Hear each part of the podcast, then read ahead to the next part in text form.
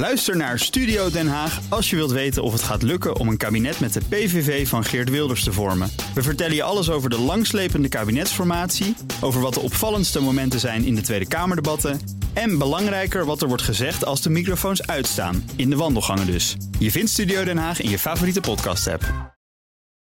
De column van Bernard Hammelburg. Donald Trump beweert dat er niets mis is met handelsoorlogen. Daar kan hij best eens gelijk in hebben.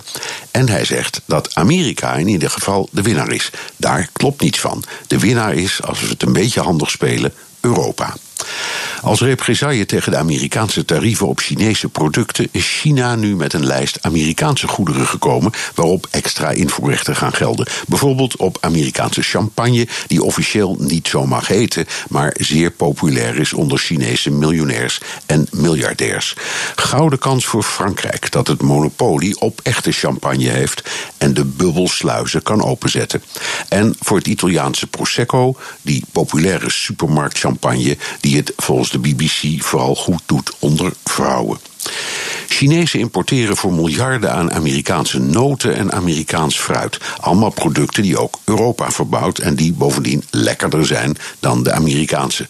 Maar de beste kans is varkensvlees. Chinezen zijn daar gek op en importeren voor een miljard per jaar aan Amerikaanse varkensproducten. Nederlandse en andere Europese varkenshouders staan vast al te knorren. Heel verleidelijk dus, en de Europese Unie staat voor een lastig dilemma. Meedoen met de handelsoorlog van Trump of er gebruik van maken. Meedoen is niet een kwestie van solidariteit. Sterker nog, Europa huivert van Stormy Donald's tarieven.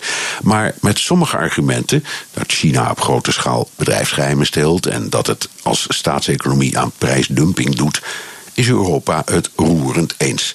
En als Europa in het gat springt, komt Stormy Donald natuurlijk met sancties tegen Europa. Aan de andere kant, zo'n kans om met de hoofdprijs weg te lopen krijgen we niet snel weer. Alleen al met de verkoop van meer varkens aan China zijn we, zogezegd, spekkoper. Bernard Hammelburg hoorde u, onze buitenlandcommentator in de kunstcolumn.